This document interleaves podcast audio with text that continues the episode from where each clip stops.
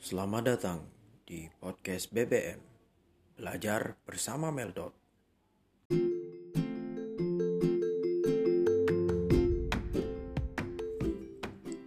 Hai anak-anak, apa kabar? Semoga kamu sehat selalu ya. Hari ini kita akan belajar tentang sumber energi. Apakah kamu tahu apa itu sumber energi? Sumber energi adalah segala sesuatu yang menghasilkan energi. Sumber energi dibagi menjadi dua, yaitu sumber energi yang bisa diperbaharui dan yang tidak bisa diperbaharui. Energi yang dapat diperbaharui adalah sumber energi yang dapat dengan cepat dipulihkan atau dikembalikan secara alami dan prosesnya berkelanjutan. Contohnya adalah energi panas air, matahari, panas bumi, angin, dan biomasa.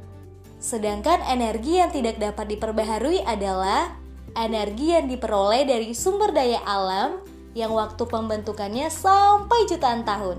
Selain waktunya lama, pembentukan energi ini belum pasti karena dipengaruhi di tempat energi itu ditemukan.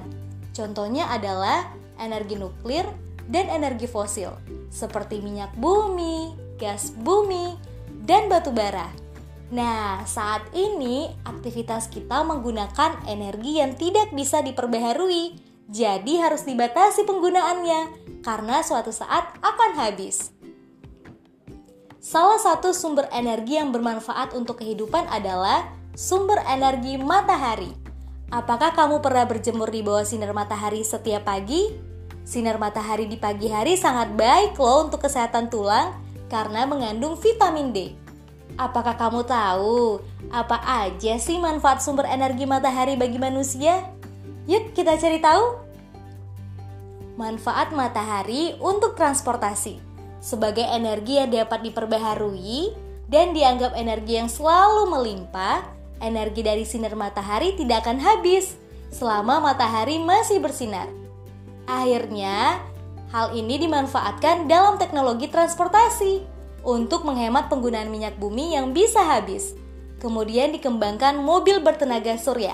Pada mobil bertenaga surya akan terdapat plat yang digunakan untuk menangkap dan menyimpan tenaga surya. Tenaga surya ini akan diubah menjadi bahan bakar yang membuat mobil atau kendaraan lain bisa melaju. Manfaat matahari di bidang pertanian sebagai rumah kaca.